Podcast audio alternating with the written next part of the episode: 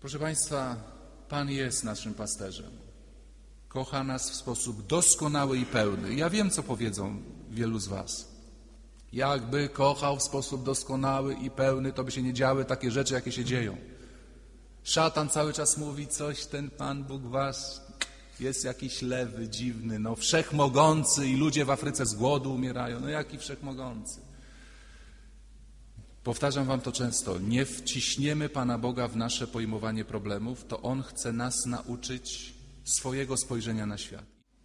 Apostołowie zebrali się u Jezusa i opowiedzieli Mu wszystko, co zdziałali i czego nauczali. A On rzekł do nich, pójdźcie wy sami osobno na miejsce pustynne i wypocznijcie nieco.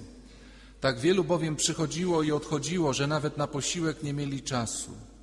Odpłynęli więc łodzią na miejsce pustynne osobno, lecz widziano ich odpływających.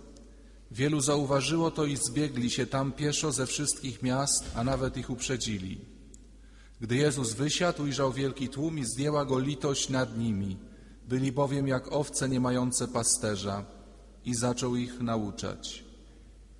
Oto słowo Pańskie. Pamiętacie, drodzy bracia i siostry, przed tygodniem słyszeliśmy, jak Jezus rozsyłał uczniów po dwóch. Mówiłem wtedy, że nic nas tak nie przypilnuje przed pychą, przed stworzeniem sobie świata, jak drugi człowiek, z którym jesteśmy, mieszkamy, żyjemy. On nas sprowadzi na ziemię z naszych wielkich wyobrażeń o sobie. Ale medal ma dwie strony. Przebywanie z drugim człowiekiem właśnie zabezpiecza przed pychą. Wchodząc w relacje, odkrywamy się, jacy jesteśmy i co potrafimy.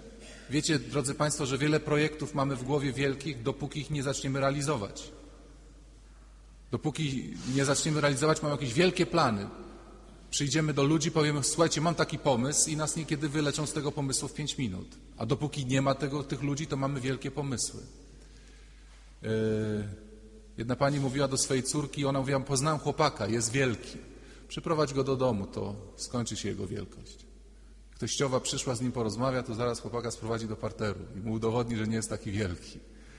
Natomiast yy, niebezpieczeństwo bycia bez przerwy z drugim człowiekiem grozi i zbyt częste przebywanie z ludźmi grozi, proszę Państwa, że my zatracamy swoją twarz, bo my się często zaczynamy naginać do drugiego człowieka. Proszę zwrócić uwagę, że jak zwracamy się do dziecka, to mówimy, ile ty masz latek? I już robimy buzię dziecka. Jak rozmawiamy z jakimś policjantem, mówimy obywatelu majorze już mamy inną twarz. My się, mówię to żartobliwie, ale my naprawdę się dostrajamy do ludzi. Wiemy, że z tym trzeba rozmawiać, tak? Panie dyrektorze, czy nie byłby Pan łaskaw mnie zwolnić z godzinkę? Y, twarz przy, w relacjach z ludźmi my możemy zapomnieć, jaka jest nasza twarz. Jaka jest nasza twarz? My wiemy, jaką babcia chce mieć twarz, kiedy prosimy ją o parę groszy. Mąż wie, jaką żona chce widzieć jego twarz, kiedy prosi go o wyjazd na ryby.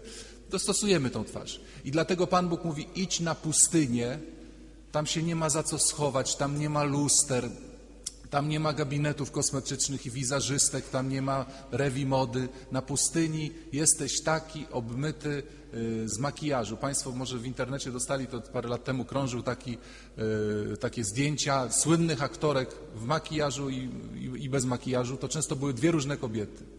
To często były dwie różne kobiety. Otóż Pan Bóg mówi, idź na pustynię, posiedź na pustyni, a tam się spotkasz samemu ze sobą. My często tej pustyni nie lubimy. Dzisiaj Biblia mówi ciekawy zwrot. Co, co tak wy, wymęczyło apostołów? Wielu, Pismo Święte mówi tak, Ewangelia Świętego Marka. Wielu bowiem ludzi przychodziło i odchodziło. Przychodziło i odchodziło. Przychodziło, odchodziło. Proszę Państwa, najogólniej rzecz biorąc, ludzie w naszym życiu dzielą się na takich, z którymi jesteśmy. To jest moja matka, mój ojciec. Ja go nigdy nie zmienię. To będę już miał do końca życia, tą matkę i tego ojca. Mąż i żona, dzieci. Ale są jeszcze ludzie, których ja sobie mogę, mogę się z nimi spotykać, jak mam ochotę, a jak nie mam ochotę, to ich wyproszę.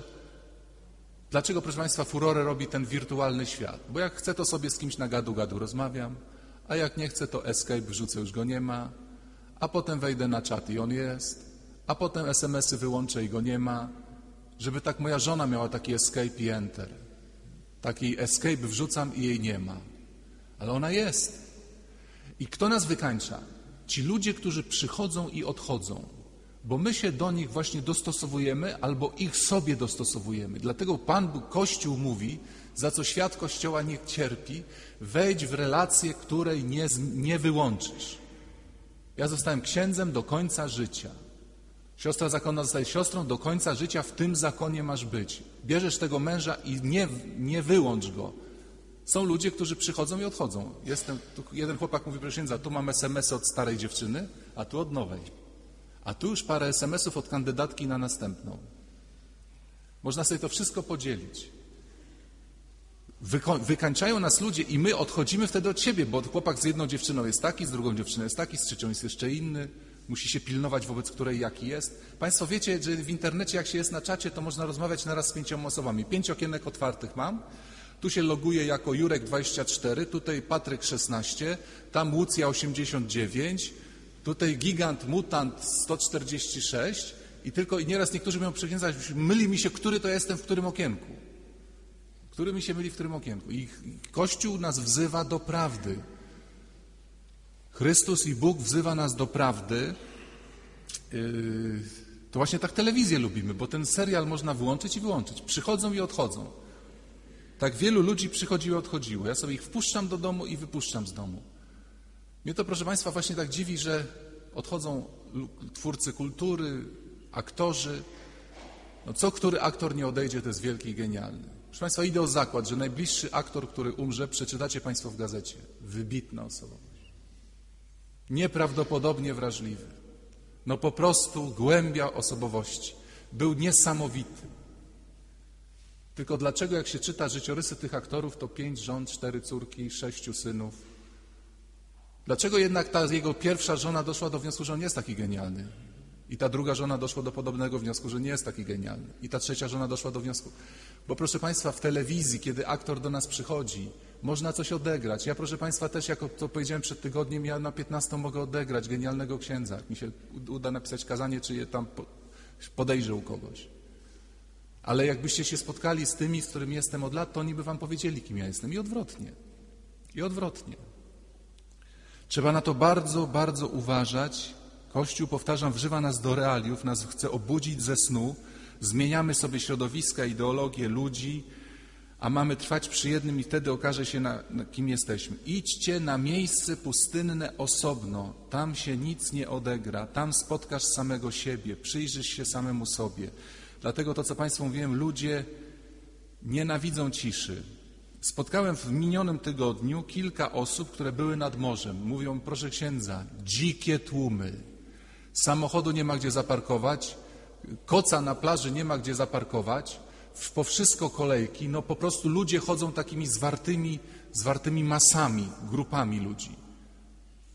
A wystarczy pojechać parę, parę kil- kilkadziesiąt kilometrów dalej, tam za Władysławowo, Sopot i tak dalej i dużo jest pustki. Ludzie kochają tłumy, ja to Państwu kiedyś mówiłem. Dlaczego? Dlatego, że jak się jest w tłumie, to ciągle coś migocze. Ty zobacz, jaki wysoki facet. O rany, babka jaka gruba, zobacz. Jakaś śliczna dziewczyna. Zobacz, jakiego facet ma psa. O, ten z balonem jaki idzie. Ciągle coś się dzieje. Nasz umysł nie zastanawia się, kim ja jestem, po co ja żyję. O rany, hot dogi po sześć, patrz, a w, w, w Sopocie po cztery były. Proszę Państwa, ja wczoraj szedłem przez Stare Miasto. Jak wiecie, na rynku Starego Miasta w soboty są koncerty jazzowe. To jest bardzo sy- sympatyczna impreza. Sam zawsze się zasłucham, zas- zatrzymam i tego jazzu posłucham. Ale co dla mnie mistrzostwo świata, że ludzie zapraszają znajomych w 6-7 osób, idą do ogródka 10 metrów od sceny, gdzie się odbywa koncert jazzowy. Te kolumny tak walą, że po prostu nie słychać własnego głosu. Siedzą przy stoliku i próbują rozmawiać. Tłum, tłum taki, że kelnerzy, słyszałem to na własne uszy, mówią ani jednego wolnego stolika. Duszno pod tymi parasolami. Nie można się porozumieć, ludzie do siebie krzyczą, tłumaczą sobie subtelne sprawy. Ten jazzman wywija solówki na tym kontrabasie takie, że uszy puchną i oni są szczęśliwi. Ja to Państwu mówiłem, bo skoro ja tam siedzę z tym tłumem, to ja się nie mogłem pomylić. No bo co, wszyscy się pomylili? To musi być fajnie. Wprawdzie swojej dziewczyny nie słyszę, ale to musi być fajnie. Jestem jak inni, nie jestem jakimś odludkiem. To mi daje poczucie bezpieczeństwa. Osobno, jak tak pójdę gdzieś sam, to ja nie wiem, czy ja dobrze trafiłem, czy ja źle trafiłem. Jak pójdę z tłumem, to wiem, że dobrze trafiłem. To wiem, że dobrze trafiłem. To jest bardzo wy- wymagająca rzecz, której wymaga od nas, którą stawia przed nami Chrystus. Nie mogę się pomylić, kiedy jestem z tłumem. Wielu tak myśli. A pustynia, A pustynia stawia pytania: a po co to wszystko? Jaki sens? Kim ja jestem? Co ja jestem wart? Y, Nie lubimy światła. Chrystus powiedział: Przyniosłem wam światło, ale wyście bardziej umiłowali ciemność. Dzisiaj pierwsze czytanie mówi, kochani, o pasterzach, o dobrych i o złych pasterzach. Nie ma takich społeczeństw, nie ma takich grup, nie ma takich klas w szkołach, gdzie nie ma lidera jakiegoś, że nie ma jakiegoś pasterza. Zawsze, proszę Państwa, w jakiejś wspólnocie pokaże się osobowość bardziej silna, mocna, przebojowa i ona zaczyna narzucać otoczeniu swój styl. Mniej lub bardziej skutecznie oczywiście. Ale w każdej grupie, wspólnocie pojawiają się liderzy. I teraz, jeśli mamy to zjawisko w Europie, w świecie zachodnim, tego odsuwania kościół, kościoła na bok, natychmiast pojawiają się inni pasterze, niż ci posłani przez Chrystusa. Pasterze, którzy robią swoją robotę. Proszę Państwa, w tym tygodniu przeczytałem w jednym z dzienników, że 15 Afrykańczyków we Włoszech, 15 Afrykańczyków jest poszukiwanych przez policję sześciu miast, dlatego że oszukali nie jedną babcię przygłuchą i przyślepą, ale kilka tysięcy ludzi. Jak oszukiwali? Oszukiwali poprzez rozmnażanie banknotów. Brali banknot i czystą kartkę, dotykali, czary mary i z czystej kartki robił się banknot. No to ludzie biegli do domu po 500 euro banknoty, żeby im rozmnożyli. Afrykańczycy brali te banknoty, zaczęli robić czary mary i znikali. Proszę Państwa, tysiące osób na to nabrali. A ktoś powie, no tak, to jak to możliwe? W dzisiejszym świecie, światły świat, ludzie wierzą, że można banknoty kupować przez jakieś czary mary. Tylko, że we Włoszech księży katolickich są 33 tysiące, a wróżek i czarowników 100 tysięcy. I są całodzienne programy, gdzie wróżki przy eliksirach, eliksirach, dymach, kulach różnych robią czary, mary, hokus pokus. Została we Włoszech aresztowana kobieta, która naciągnęła wdowę na 30 tysięcy euro, bo jej załatwiała SMS od zmarłego męża z nieba. Proszę Państwa, Państwo się śmiejecie, a czy w Polsce to nie zaczyna być? My może się troszeczkę oporniej w to idziemy. Jeśli odstawimy pasterzy Chrystusa, przyjdą inni pasterze. Była teraz, może Państwo czytaliście, bo to tak się odbiło echem w mediach, ankieta wśród młodzieży. Kto jest Twoim idolem? Wszyscy idole młodzieży to są ludzie z telewizji. Już nawet Jan Paweł II się nie pojawił w pierwszej dziesiątce chyba, dlatego, bo mówią medioznawcy od PR-u, że e, Jan papieża teraz nie ma w telewizji. On przestał być dla młodych e, wzorem. Wzorem są prezenterzy wiadomości w tej chwili. Nawet jeden z, z laureatów, że tak powiem, tego, tego testu czy tego sondażu powiedział: Ja idolem Ludzie, przecież jestem wariat, ja się wykupiam w telewizji. Jak możecie ze mnie robić idola? Ja jestem intelektualnym hedonistą, powiedział. Nie wybierajcie mnie na idola. On sam to mówi. Przecież ja jestem głupek, błazen przed telewizorem. Ale już jeśli ktoś odsunie Chrystusa, będzie miał innego pasterza. Będzie miał innego pasterza. Dlatego, kochani, ja w swoich kazaniach pomijam często te tematy społeczne, ale dzisiaj chciałbym się odnieść do tego, co się wokół nas dzieje, jacy pasterze nami rządzą. Ja przyznam Państwu, że mam wielki żar do, do wielu, nie, nie, chcę generalizować, broń Boże, wielu ludzi kultury, artystów, ludzi wykształconych, publicystów, pisarzy, no właśnie ludzi kultury, zostali przez Pana Boga obdarowani y, wielkimi talentami po to, żeby nas ubogacać. Proszę Państwa, Państwo wiecie, co to znaczy obejrzenie dobrego filmu, dobrej sztuki, jak to pomaga. Nieraz lepiej niż rekolekcje niejednego księdza pomoże jeden film. Wysłuchanie dobrego koncertu.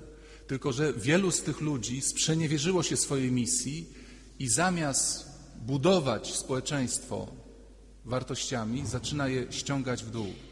Zaczyna je ściągać w dół. Ja dam taki przykład wakacyjny, Proszę Państwa, drodzy bracia, drogie siostry, raczej drodzy bracia, pamiętacie jak jeździliśmy z rodzicami na plażę gdzieś tam nad Morską, to często budowaliśmy zamek z piasku. Fortece, fosy, kanały, bramy budowaliśmy. I to była radocha. Ale kiedy mama mówiła idziemy na obiad, to czekała nas jeszcze jedna radocha. Rozwalić ten zamek w, w trymiga. Kopaliśmy. Nieraz ktoś zostawiał łaskawie dla potomności ten zamek ale była radocha rozwalić coś, proszę Państwa. Coś, co żeśmy się bawili. Szałas żeśmy zbudowali, bałwana w zimę postawiliśmy, idziemy do domu, to co? Rozwalamy bałwana. Niszczenie. Proszę Państwa, e, w, w kulturze europejskiej, w kulturze zachodniej cywilizacji było misterne budowanie mentalności człowieka głębokiego, pięknego, dobrego, mądrego, szlachetnego. Na to poszły wieki. Kochani, przerobić kogoś, kto jest dość, delikatnie mówiąc, prymitywny, w człowieka kultury, to nie pięć lat, nie dziesięć, to są pokolenia. I nasza kultura chrześcijańska przez te pokolenia wypracowała coś takiego jak kultura języka, wypracowała coś takiego jak szacunek dla kobiety, wypracowała coś takiego jak szacunek dla rodziny. To wieki starań i ludzi świeckich, i duchownych, i biskupów, że myśmy osiągnęli to, co osiągnęliśmy. Intymność, wstydliwość. Proszę Państwa, nasi tasi pra, pra, pra rodzice tam z przedmieszka pierwszego no, no, inaczej żyli niż my, zdecydowanie inaczej niż my.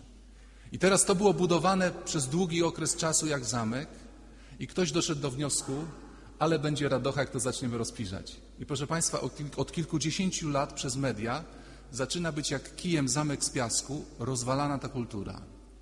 Zawsze habit siostry zakonnej. No można się było podśmiewywać, ale to był jednak habit siostry zakonnej. Teraz w co drugiej czy w co trzeciej sztuce, ja mówię na podstawie zajawek te, przedstawień teatralnych, które widzę w telewizji, jakaś roznegliżowana zakonnico prostytutka biega zrzucając z siebie habit, wrzeszczy, krzyczy, rzuca, tarza się i ludzie siedzą mówią, ale numer. Te święte habity, które nieraz widzimy na ulicach, to nie znaczy, że siostry są bezbłędne, nie chcę tego sugerować, ani siostra, ani księża, ale nagle zobaczyć, jak ktoś rzuca habit i pod habitem ma seksowną bieliznę, ale numer. Ależ to jest emocja. Proszę Państwa, ja pamiętam, jak chodziłem do podstawowej szkoły, to do mojej klasy trafił taki przerośnięty, jak to się mówiło, taki łobuziak szkolny i kiedyś na lekcji zaczął tak denerwować naszego nauczyciela, mężczyznę, profesora, że ten mu zwrócił uwagę, żeby wszedł z klasy. On powiedział, że nie wyjdzie. No więc ten nauczyciel podszedł i chciał go wziąć za rękę, żeby go wyprowadzić z klasy. A on wtedy, to było 40 lat temu, czy 30 parę, odepchnął nauczyciela. Myśmy zamarli, ale numer odepchnął profesora. Byliśmy przerażeni, ale przyznaję, podekscytowani. Co teraz będzie? Ktoś targnął się na świętość. I proszę Państwa, jak włączymy telewizję, to mamy targanie się na świętość godzinne. Siada kobieta i opowiada o swoich intymnych sprawach z mężem. Czy ona myśli o jego zdradzaniu, czy ona myśli o innych facetach, czy jak z nim współżyje, to myśli o nim, czy o sąsiedzie. To takie rzeczy się ludziom przytrafiały, tylko myśmy to zawsze przez wieki załatwiali w konfesjonale. A teraz pokażmy to wszystkim. Ja mówię, siła polskiej komedii w latach 90.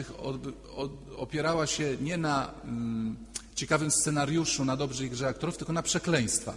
I na początku, że byliśmy zaskoczeni, że szliśmy do kina i słyszeliśmy takie przekleństwa, jakie zazwyczaj słyszymy pod budką z piwem.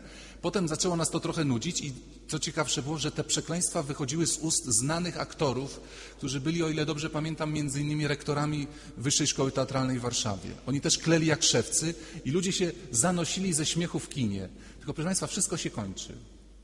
Państwo, którzy jesteście z mojego pokolenia, pamiętacie bitwę o długie włosy w latach 60. Sam chodziłem do fryzjera i mówiłem, niech mnie pan tak obetnie, żeby było nic widać. Bo musiałem spełnić słowo dane mamie, że pójdę do fryzjera, tylko nie chciałem, żeby mi obcinano włosy. I fryzjer mówi, to jak pana, obciąć czy nie obciąć?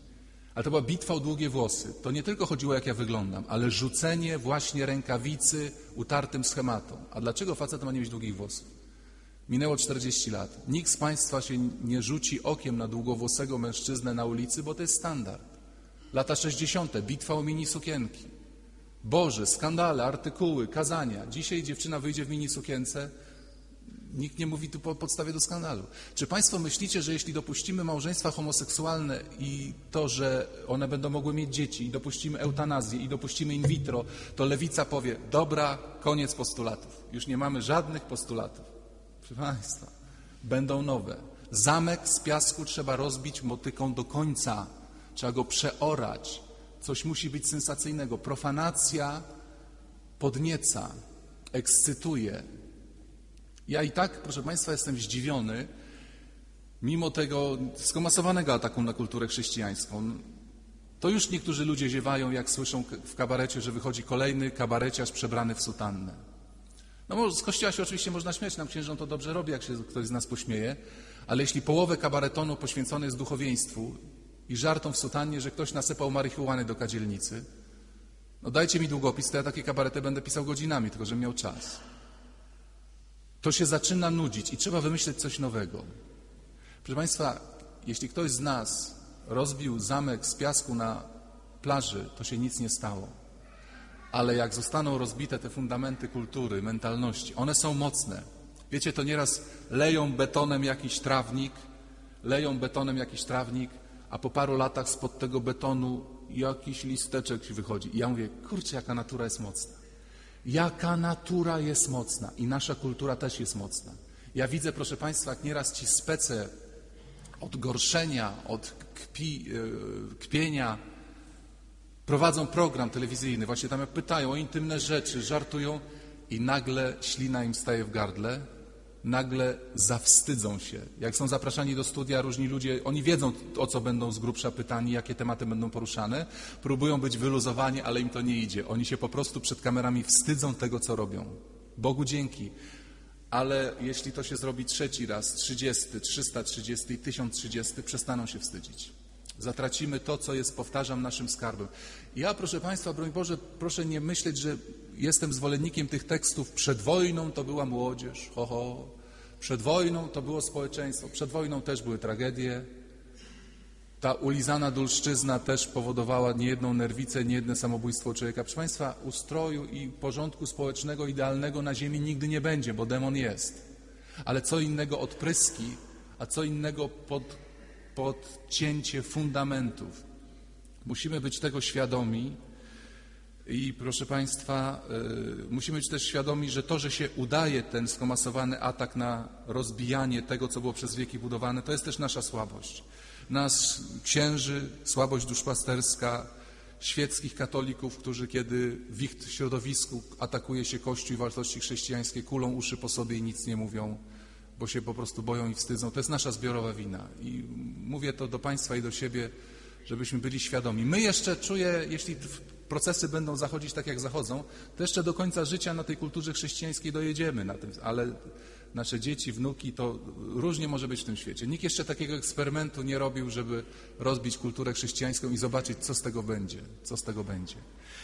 Ale proszę Państwa, być może ktoś yy, mówi, no właśnie, gdyby Kościół był mocniejszy, gdyby księża byli lepsi, kazania lepiej głosili, gdybyśmy my byli lepsi, a nawet może ktoś powie, gdyby Pan Bóg był lepszy, to ludzie by nie chodzili do tych wróżek do tych czarownic, a ludzie głupieją, są bezradni. Pan Bóg im nie pomaga, z mężem się nie układa, to idę do wróżki. Może każe go w nocy posolić trzy razy wzdłuż, wypowiedzieć czary mary i on będzie dobry rano. Bo są ludzie bezradni. Śpiewaliśmy dzisiaj psalm Pan jest moim pasterzem, nie brak mi niczego. Państwo śpiewaliście ten psalm. A ja wam zadał pytanie. Naprawdę tak myślisz? Pan jest Twoim pasterzem i nie brak Ci niczego? Czy tak zaśpiewałeś, bo tak trzeba? A tak naprawdę Pan jest moim pasterzem, nie brak mi niczego, odnośnik z wyjątkiem. Samochodu, studiów, zdrowia, chłopaka, dziewczyny, pokoju, szczęścia, dobrych czasów. Naprawdę czujesz, że nie brak Ci niczego? Czy kłamałeś śpiewając ten psalm? Proszę Państwa, Pan jest naszym pasterzem. Kocha nas w sposób doskonały i pełny. Ja wiem, co powiedzą wielu z Was. Jakby kochał w sposób doskonały i pełny, to by się nie działy takie rzeczy, jakie się dzieją. Szatan cały czas mówi coś, ten Pan Bóg was jest jakiś lewy, dziwny, no wszechmogący i ludzie w Afryce z głodu umierają. No jaki wszechmogący? Powtarzam wam to często. Nie wciśniemy Pana Boga w nasze pojmowanie problemów, to On chce nas nauczyć swojego spojrzenia na świat. I na koniec dzisiejszych rozważań posłużę się dwoma obrazami. Oczywiście, które ściągam z innych homilii i kazań. No bo muszę gdzieś sobie pomagać. A proszę Państwa, a propos zmieniania ludzi, że zmienić sobie żonę, zmienić sobie męża i mam nowy materiał. Ja też nieraz mówiłem koledze jakiemuś księdzu, wiesz, już pięć lat mówię kazania na 15 u świętej Anny. Zmień sobie publiczność. Pójdziesz do innego kościoła, w innej regionie Warszawy, będziesz mówił stare przykłady, ludzie będą mówić, jakie nowe rzeczy. Ale ja się właśnie zmagam, żeby, proszę Państwa, oczywiście to nie ode mnie zależy, czy ja tu jestem u świętej Anny, czy nie, od, księdza- od księdza biskupa, ale zmagam się, żeby mi te myśli odeszły, właśnie być z Wami do końca, dopóki ksiądz biskup będzie chciał, żebym ja tu był. I nie zmienić sobie ludzi, tak jak niektórzy zmieniają kościoły. To znaczy, ja nie chcę powiedzieć, że to jest złe, że szukamy kaznodziei, który odpowiada, spowiednika, który odpowiada, ale pamiętajcie, co było tydzień temu. Jak wejdziesz, to nie wychodź, aż skończysz sprawę. Jak spotkasz spowiednika, to nie zmieniaj go po tygodniu, bo nie zaakceptował moich podwójnych deserów w niedzielę. Tylko po, po, popracuj z nim pół roku czy rok. Nie wychodź za szybko. Ale wrócę do tych dwóch obrazów. Jakim Pan Bóg jest pasterzem?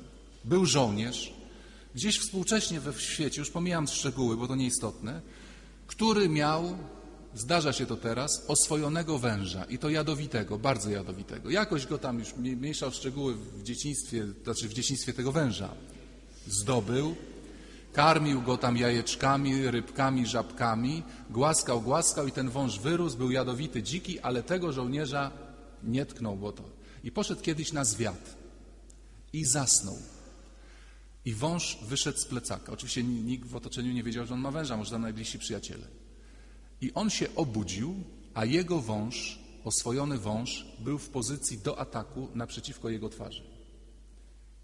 I on wie, że jeśli mrygnie okiem, jeśli ruszy głową, wąż się na niego rzuci i koniec. Więc zaczyna się pocić ze strachu. Poza tym jest wściekły. Mój wąż, mój oswojony wąż, moja duma i chwała, moje dziecko. I tak pięć minut, dziesięć, on się nie rusza, bo wie, czym grozi. Znał się na wężach. Wąż na niego patrzy, on na węża. Pół godziny, 45. Mówi, żeby przyszli do mnie ci z żołnierze z obozu. Przecież orientują się, że nie wracam, coś się stało. Ale nikt po mnie przychodzi. Dlaczego po mnie nie przychodzą? Po godzinie wąż spuścił główkę i sobie gdzieś powędrował. On odetchnął, powiedział, że gada zatłucze, jak go spotka kiedyś. W tym momencie słowo gad było dosłowne.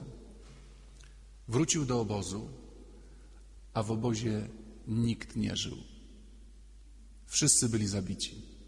Był atak na ten obóz i była po prostu jedna wielka jadka.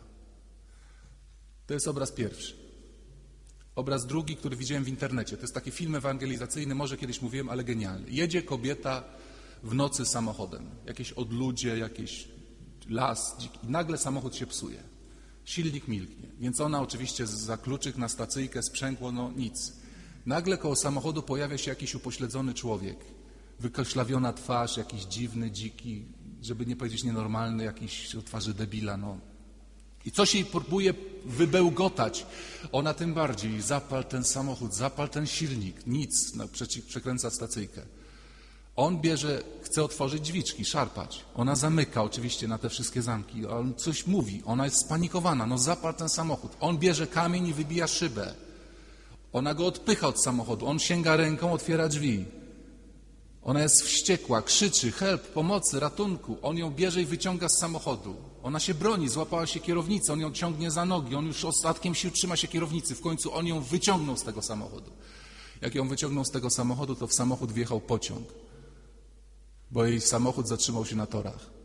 I ten upośledzony człowiek wiedział, że ten pociąg będzie za chwilę jechał. Być może walczysz z Bogiem od pół roku, od roku, od dwóch. I trzymasz się pazurami swojej kierownicy, bo chcesz kierować życiem. Ja tej dziewczyny nie oddam, ja te studia skończę, ja tego syna nawrócę po swojemu. A Pan Bóg mówi nie, a zobaczysz, że naw... i nie puszczę tej kierownicy, bo o kierownicę chodzi. A tam już jedzie pociąg pełen demonów. Dojedzie na tą twoją stację w 2012. Pan jest takim pasterzem, drodzy bracia i siostry. Powiedziałem wam, powiedziałem wam przed tygodniem, jak będziemy wchodzić do nieba, co daj Boże, to będzie słychać taki dźwięk. Ale byłem głupi. Jezu, jaki byłem głupi. O rany, jaki byłem głupi. O rana, Panie Boże, sorry, Jezus, no naprawdę, przepraszam. Jezu, jest tak mi wstyd. Panu powiedział, że nie, da, dobra, ale nie, no nie mogę na Ciebie spojrzeć, Jezu. Jesteśmy po prostu za głupi na Jego pasterstwo. Za głupi na Jego pasterstwo. On jest dobrym pasterzem. Kochani, nie chodźmy do wróżek. Powiedzcie to swoim znajomym, bo powiedzcie te przykłady. Nie chodźcie do wróżek, nie chodźcie do czarowników. Nie słuchajcie tych, którzy próbują wyśmiać kulturę chrześcijańską, wykpić, rozwalić ten zamek, bo niektórzy mówią, no już nic nas, Kościół mnie, młodzież mówi, nie rajcuje, ale kpienie z zakonni, z duchowieństwa biskupów, z papieża, na onecie, na wirtualnej Polsce, na interii, no ale radocha se poczytać. To jest samobójstwo. Pan jest dobrym pasterzem. Niczego mi nie braknie. Pozwala mi leżeć na zielonych pastwiskach. Zna mnie, przynosi mi wodę, pokarm, jedzenie. Tylko to Jego pasterstwo, powtarzam, jest nie z tego świata. I nie zapraszajmy Jezusa do naszego świata, ale podążmy za Nim i przyjmijmy zaproszenie od, z Jego świata.